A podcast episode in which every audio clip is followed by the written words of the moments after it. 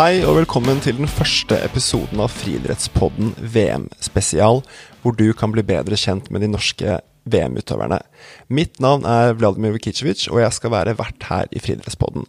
Dagens gjest ble historisk i vinter da han hoppet seks meter som første nordmann noensinne. Han tok også et EM-gull innendørs i Istanbul, og har vært med i VM to ganger tidligere og vært med i OL. Vi snakker selvfølgelig om Sondre Guttormsen. Velkommen til studio, Sondre. Hallo. Hei, hei. Tusen takk. Hvordan, eh, hvordan, har du det nå, et, eh, noen få dager før eh, VM?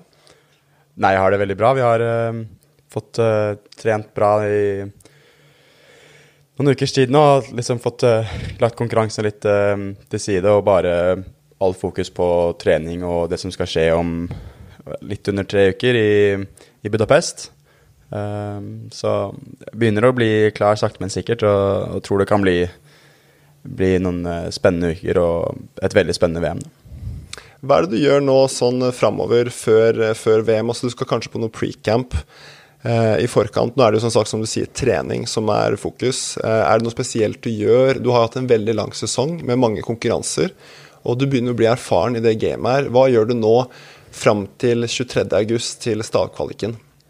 Ja, nå etter siste um, konkurranse som var Monaco da, for um, en og en halv, to uker siden, så uh, har vi liksom steppet opp treningen litt, har trent litt hardere. Um, men med liksom ekstremt fokus på det stavtekniske og prøve å få um, det 100 på plass, siden det er, det er tross alt det som er viktigst. Og det er ofte tekniske som har mer å si for min prestasjon enn nødvendigvis liksom om jeg er 100 fysisk. da.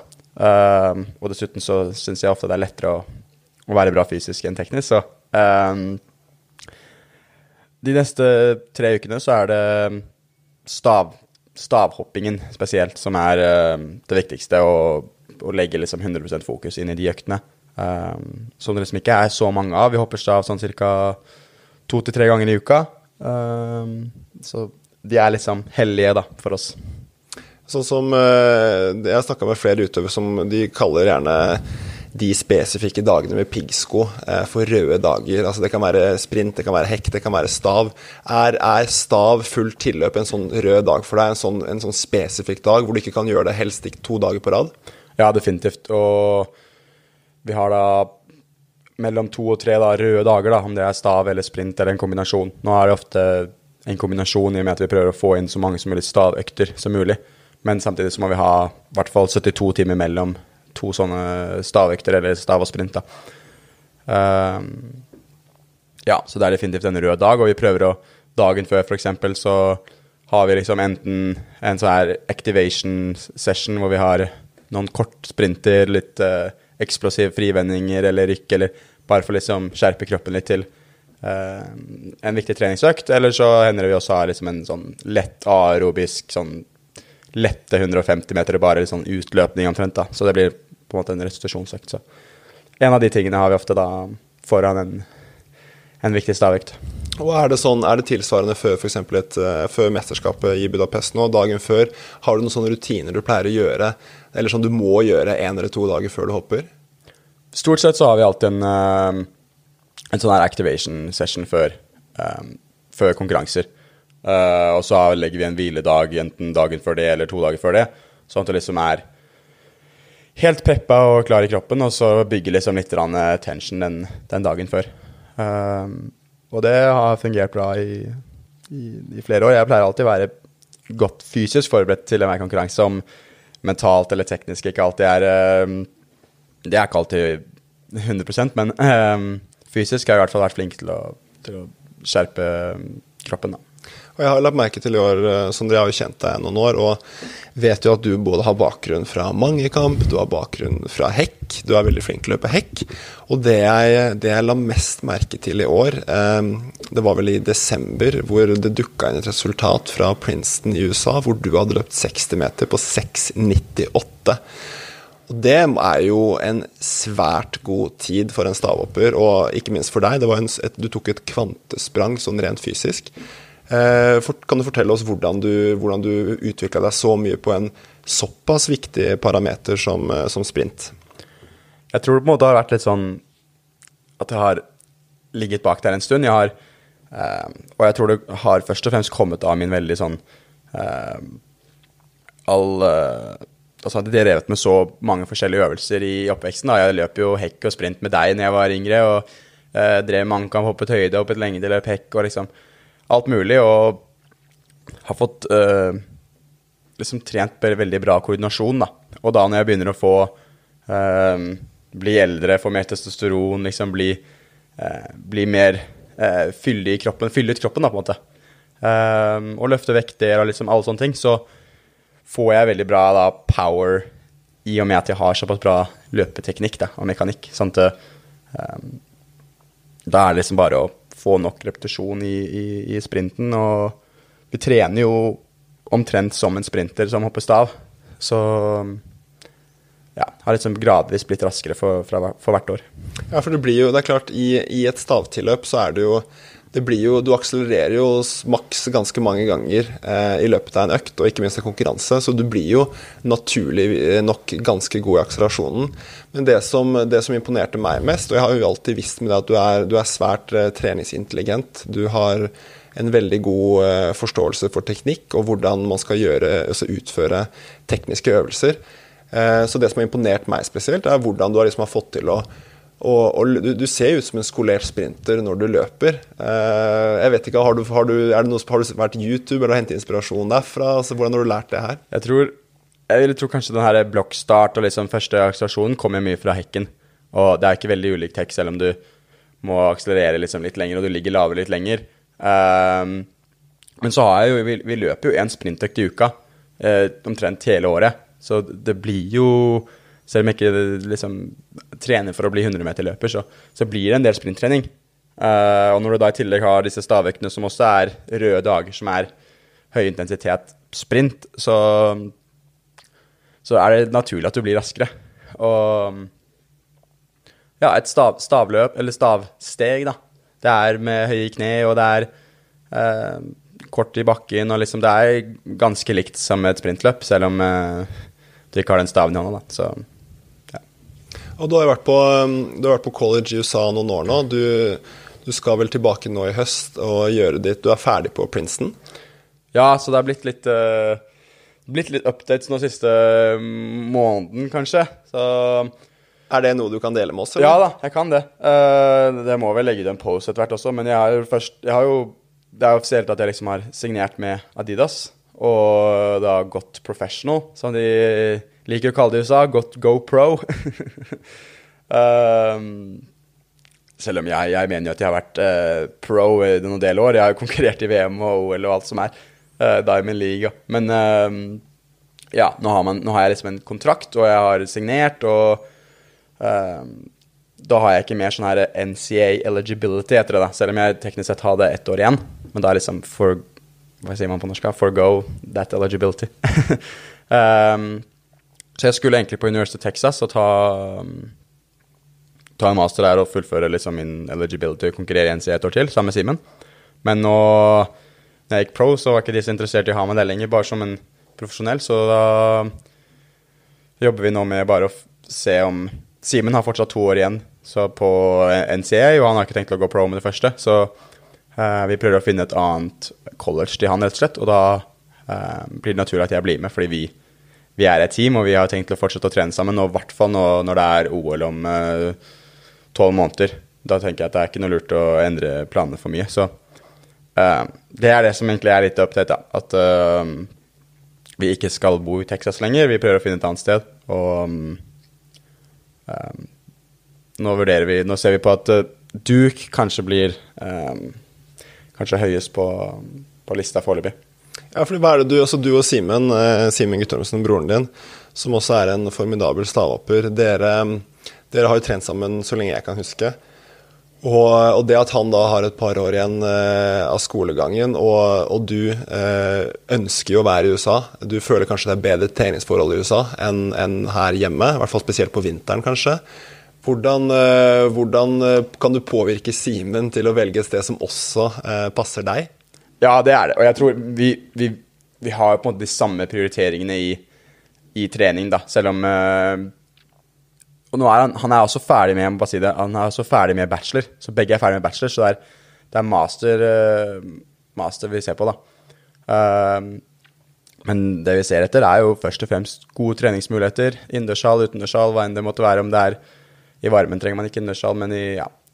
Eh, og så er det at det er et fint sted å bo, og liksom at vi får holde på eh, relativt fritt med trening og konkurranser og sånne ting, da. Så ja, vi har vært ganske liksom samkjørte på hva vi prioriterer, da. Så det er ikke sånn at vi er uenige med hva som er det beste muligheten. Og Hvordan er det sånn i, i, i treningshverdagen mellom deg og Simen? Altså, hvor, hvor, viktig vil du si eh, Simen har vært? Eh, ikke minst du kommer fra, jeg kan jo nevne, du kan jo nevne, kan jo nevne moren din Kristin og din far Atle, som er tidligere eh, utøvere. Du har en søster Sara, og dere er jo på en måte en stor friidrettsfamilie. Eh, jeg husker jo at dere, dere har jo bodd rett ved Ski stadion, omtrent hatt ski, eh, hatt en stadion i hagen. Og eh, dere har, så lenge jeg kan huske, så har dere hoppet et, et tipp tipper vel du begynte Du må vel ha begynt når du var tre-fire-fem år? Ja, litt eldre. Det var sånn syv-åtte-tiden først. Det var sånn syv, så var det første gang jeg tok en stavtre, men uh, kanskje et år før, jeg er ikke helt sikker. Men det ble mer seriøst liksom jeg var ti-elleve, da. Ja, ikke sant. Men det var jo definitivt tidlig. Og Simen har jo blitt liksom mer og mer viktig de siste årene. Han har jo, i og med at vi har holdt på begge siden vi var så unge, og lært liksom stav sammen med pappa, Um, og når vi da har liksom flyttet, hjem, er flyttet fra hjem og flyttet til Princeton sammen, så har Simen liksom lært seg veldig godt liksom mitt hopp og hvordan coache meg, og hvordan jeg coacher han. Så vi, uh, vi er jo omtrent Eller ikke bare omtrent, vi er hverandres trenere. Uh, I hvert fall de siste to årene da, som jeg har vært på Princeton. Og det er det som er planen å fortsette, da. Ja, for sånn som på konkurranser, altså til de av lytterne som, som, ikke vet det, så er jo stav kanskje eh, den mest tekniske friidrettsøvelsen. Eh, det er Man kan både bytte staver, man kan bytte, man kan bytte posisjon på, på, listen hvor den går opp, i forhold til hvor, hvor nærme den er tilløpet. Eh, så det er en hel del sånn små justeringer, småjusteringer, og også store justeringer, eh, man kan gjøre. Og for en stavhopper er det nesten utenkelig å ikke få feedback underveis i en konkurranse. Mens f.eks. For, for en sprinter eller hekkløper så er det veldig vanlig at man ikke har trener på konkurranser i det hele tatt. Man trenger det ikke. Hvordan, hvordan uh, løser du det, og hvor viktig er Simen og Atle og eventuelt noen andre trenere for å gi deg feedback uh, på konkurranser? Det er helt, helt livsnødvendig omtrent. Og Simen har jo både vært med på en del uh, konkurranser og er med på alle treninger. Og vi, vi reiser sammen hvor vi, vi skal på, på, trening og konkurranse. Så eh, jeg ser at vi må definitivt fortsette å trene sammen fram til eh, OL i Paris. Og vi har tenkt å prøve å, å, se om vi kan trene sammen etter det òg, eh, hvor enn vi befinner oss. Og så, eh, ja, fordi jeg vet ikke om du har sett den nye dokumentaren nå med, med Armand Duplantis? Eh, da. Den, på, den ligger på, på NRK-portalen. Det, det, første jeg, det, første jeg, tenkte når jeg så den, var Jeg tenkte jo Man kunne jo like så greit ha lagd en dokumentar om, om deg og om uh, Guttormsen familien egentlig i Stav i Norge. Og når jeg så liksom Armand Duplantis begynne så tidlig um, altså tenker Du begynte jo omtrent like tidlig. Uh, og du har jo også uttalt nå for, for, ikke så lenge siden at han er jo en som driver deg til nye høyder. Det er ikke sikkert at du hadde hoppa seks meter allerede nå, med mindre ikke Armand Duplantis hadde hoppa enda høyere. Uh, kan du si noe om hvordan, hvordan, det at han flytter grenser, inspirerer deg og motiverer deg til å nå nye høyder? Det er mer det at du, liksom, du, ser, du ser, på hvordan han hopper, og så ser du at uh, det er ting som jeg er veldig nærme han på, da. Ja, han er litt raskere, uh, men jeg er også en av de raskeste staperne som hopper nå, og det er mange stapere som har hoppet seks meter med mindre fart enn meg. Og du snakket, du snakket om at jeg løp 6,98 på seks meter, og det er mer enn nok fart til å hoppe eh, seks meter, så jeg liksom begynte å sjekke av en del av parameterne for å hoppe seks meter, da, og det var da jeg skjønte at uh, det skal definitivt være mulig, sånn teoretisk sett. Uh, dette var når jeg hadde en pers på 5,82, um, så jeg så jo på en måte at jeg burde hoppe høyere. Og særlig når Mondo liksom hoppet 6.22, eller hva det, er, hva er nå, um, så ser jeg at jeg er ikke så langt bak han i en del, en del, ting, og da skal det i hvert fall være mulig å hoppe seks meter. Og jeg tror um, det, det, ikke er så innmari mye som skal til for å, for å liksom nå uh, 6.05, 6.10. Um, så ja, han har definitivt liksom Kanskje gjort at man ser at uh, det er mulig da, å hoppe, hoppe, så høyt. Og du trenger ikke være noe freak of nature for å, for å gjøre det heller. I hvert fall ikke for å hoppe seks meter, da. Nei, altså det er, jo, det er jo selvfølgelig noen som har hoppet eh, meter opp gjennom historien, men det er jo uansett, hvis du står på en friidrettsbane og ser seks meter opp i været, så er det Altså, jeg får høydeskrekk av å tenke på at jeg skulle gått over det. Så for meg hadde jo det vært helt umulig. Så, så jeg tenker jo at eh, jeg tenker jo det er fryktelig høyt, men klart øver man tidlig og er talentfull Altså du er åpenbart veldig talentfull og har trent masse så er det selvfølgelig mulig. Og, og, jeg skjønner jo at du ikke ønsker å sette noen grense for hvor høyt du kan hoppe. Men jeg tenker jo hvis, en, hvis sånn som du plantet å hoppe av 6,22, så skal jo det i hvert fall være mulig da, for menneskeheten nå i 2023 å, å få til. Så jeg tenker jo sånn, De siste VM-ene i stav har jo, vært litt, har jo vært litt åpne. Det har jo alltid det kommer alltid noen som eh, noen kan underprestere. Vi har sett Duplantis tape Diamond League i fjor.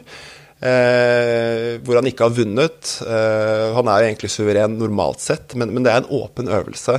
Eh, nå, i, også, nå i, Budapest, hva, hva tenker du, hvis, hvis, du kan pinpointe sånn cirka hva, med, hva tipper du finale går på, og hva tipper du eh, medaljer går på? Jeg vil først og fremst si at liksom, du har tapt to konkurranser de siste tre årene, eller noe sånt, så han, han vinner jo eh, 19 av 20 ganger. Og han har foreløpig ikke tapt noe så er viktig mesterskap, så det skal mye til for at han ikke vinner. Men det er fortsatt, det er fortsatt stav opp, og uh, alt kan skje. Men uh, medaljene er definitivt mer, mer åpne, da. Uh, så finale vil jeg tro går på det samme som det gjør alltid, mellom 570-575 et sted. og medaljene vil jeg også tro går på um, mellom 585 og 590 var en høyden er rundt der. I fjor gikk det vel på var det 87? Jeg er ikke helt sikker. Jeg tror det var 87. Stemmer. Eh, 587. Og selv om liksom nivået kanskje Man, man sier alltid liksom Å, nå ser nivået høyt ut. Jeg lurer på om det var 594. ja, det var det, 5, tror jeg. Ja, det var 294, og så var det ja. noe sånt, ja. Um, så jeg, jeg, tror det går omtrent på det samme, samme i år. Um, par amerikanere som uh, hva skal man si, choka i amerikanske mesterskap og ikke har kvalifisert seg, som har hoppet 5,90 og høyere i år. Uh, Casey Lighted hoppet 6,07 og har ikke kvalifisert seg. Uh, men, men, sånn er verden. Man må holde seg skadefri gjennom hele sesongen for å, for å være med i VM. Og, men det er fire-fem karer som, som, kan hoppe 5,90. Uh, jeg tror ikke fire-fem hopper 5,90, men jeg håper å være en av de som gjør det. Og da, da er medaljen en mulighet. Og jeg har jo faktisk hoppet 5,90 én, to, tre ganger faktisk i 2023. Um, så det er liksom ikke helt uoppnåelig um, å ha det som et mål, da. Og det er jo eh, det er ikke minst, Du, du begynner å bli, bli, erfaren, som vi snakket om innledningsvis. Du har vært med i to VM før, du har vært med i OL. Eh, du har vært med i flere innendørsmesterskap. Budapest i august kan jo bli veldig varmt, ehm, og konkurransene kan være lange. Hvordan, eh, hvordan kommer du til å løse det at konkurransene blir lange på morgenen der inne på stadion, kanskje uten så mye vind? Eh, hva gjør du for å på en måte få en liten edge da, i forhold til konkurrentene dine? Jeg tror det har hjulpet å liksom konkurrert mye i, i, USA, og jeg har konkurrert mye Vi har hatt nationals i Texas flere ganger i juni, hvor det har vært godt over 30 grader og fuktig, som uh, Jeg tror ikke det blir noe verre enn det i Budapest. Og vi drar nå en uke til Nice i morgen, hvor det skal bli fine 29-30 grader. Um, så, så ja, jeg har Berlin 2018 var det varmt. Det har vært varmt i Tokyo, det var varmt i Doha. Uh, det har vært varmt i flere Diamond League-stevner, så uh, Og lengden på konkurransen er jeg også vant med at uh, i college er det jo 24 stykker med i, i finalen i NCA. Og i finale i VM skal det bare være 12, så um, Jeg tror jeg har fordelen med at jeg har liksom vært på så mange forskjellige arenaer, både profesjonelt og i college, eh, liksom amatørstevner, da, hvor det er lang, lang ventetid. Jeg hoppet 5,90 første gang i Albuquerque, så var det 25 deltakere, og det tok uh, nesten tre timer fra oppvarming til jeg, jeg begynte første hopp, så, så det, er, det er jeg vant med å Ja. Det blir jo bare å, å holde kulen og være fokusert og ja. Og så er det jo også Du er jo faktisk født i California, så du har liksom virkelig fått inn fra tidlig alder av den varmen. Um, så det kan jo også være en fordel. Det kan det. Selv om jeg har uh, vært 18 år i 17 år i Norge og noen år i Princeton hvor det ikke er så innmari varmt, men Ja. Nei da, men uh, jeg tror ikke varmen skal bli, bli største utfordringen. Det er uh, Stav er såpass vanskelig at tror det er verre, det. vi, nærmer oss, vi, nærmer oss, slutten av poden, Sondre. Eh, til slutt, eh, hvis vi nå snakker med deg etter VM, eh, hva, hva, skal til for at du sier deg fornøyd med ditt tredje verdensmesterskap utendørs? Hmm, det er vanskelig. Jeg har, jeg har, jo hele tiden hatt mål om å ta medalje. Men så er det også liksom Hopper du en høyde som du er fornøyd med, og tilfeldigvis så hopper folk enda bedre, så, så, kan jeg liksom ikke være skuffet. Men jeg har eh, Jeg tror jeg skal hoppe over 580 i hvert fall for å være i nærheten av fornøyd. Um, og helst litt høyere enn det. Um, nå begynner jeg, jeg begynner å liksom kjenne på at nå har jeg vært med i en del mesterskap, at nå er det på tide å liksom skikkelig prestere. Um, ja, nå vant jeg jo EM innendørs, da, så det var jo en prestasjon, men jeg har lyst til å fortsette den trenden, da. Uh, og fortsatt være en av gutta som tar medalje. Så um, medalje er et mål. Um, men ja, hopper jeg godt over 85, så, så skal jeg være fornøyd uansett. Og så husker jeg når vi var i, vi var i Istanbul nå, jeg, jo, jeg, hadde jo den gleden av å være på samme mesterskap hvor du, hvor du vant. Og jeg husker jo at du dagen før tok deg en eh, taxi inn til sentrum og så Aya Sofia. Eh, nå skal du jo til en eh, veldig fin by, by, i Budapest, skal være der noen dager. Kommer det til å bli tid til noe annet enn å bare være på hotell og fokusere på konkurransen? Jeg tror jeg alltid har liksom Jeg er ikke han som liker å sitte dunka inne på hotellrommet uh, hele uka før mesterskapet. Og jeg er heller ikke han som liksom driver og løper rundt, men uh, jeg føler jeg alltid har prestert godt når jeg lever liksom så normalt, har lav, lav stressnivå og bare kose meg, selvfølgelig, gjør treningen jeg skal gjøre, og slapper av nok, men um, om du er en time og ser et eller annet, eller tar en kaffe i byen, liksom, det, det har jeg ikke noe problem med. Uh, så for meg handler det bare om å være liksom fornøyd med meg selv og ha, ha det fint, være glad. Um, da, da, presterer jeg best, så. Men uh, så mye turistgreier får vi, får vi drøye til, til etter, etter, mesterskapet og etter sesongen. Men ja, vi får se. Nei, altså jeg skjønner jo Dersom det blir tid til å, til, å, til å, se noe, og man har noen dager imellom og man kjeder seg, så er det jo Man blir jo alltid, man blir alltid påminnet at man skal være fokusert og restituert og res, passe på restitusjon, men av og til så er det jo det er mye mer slitsomt å skulle tvinge seg selv til å ikke gjøre noe, enn, enn å kunne være hva skal jeg si, i anførselstegn, en normal person altså, kan gå ut og ta en kaffe og, og se litt på noen fine bygg og, ja og noen kirke og sånn, så det, det, tror jeg bare Så lenge man ikke går rundt i 40 grader og hele dagen og blir utslett, liksom. Men uh, tar du to timer på en, en restaurant og går forbi et fint bygg, liksom, så, så, tror jeg det er helt greit. Sondre Guttormsen, tusen takk for at du kom til eh, studio og um, pratet oss uh, gjennom dine forberedelser til VM, og at vi ble litt bedre kjent med deg. Og så ønsker jeg deg masse lykke til i Budapest. Og så skal vi heie masse her fra studio.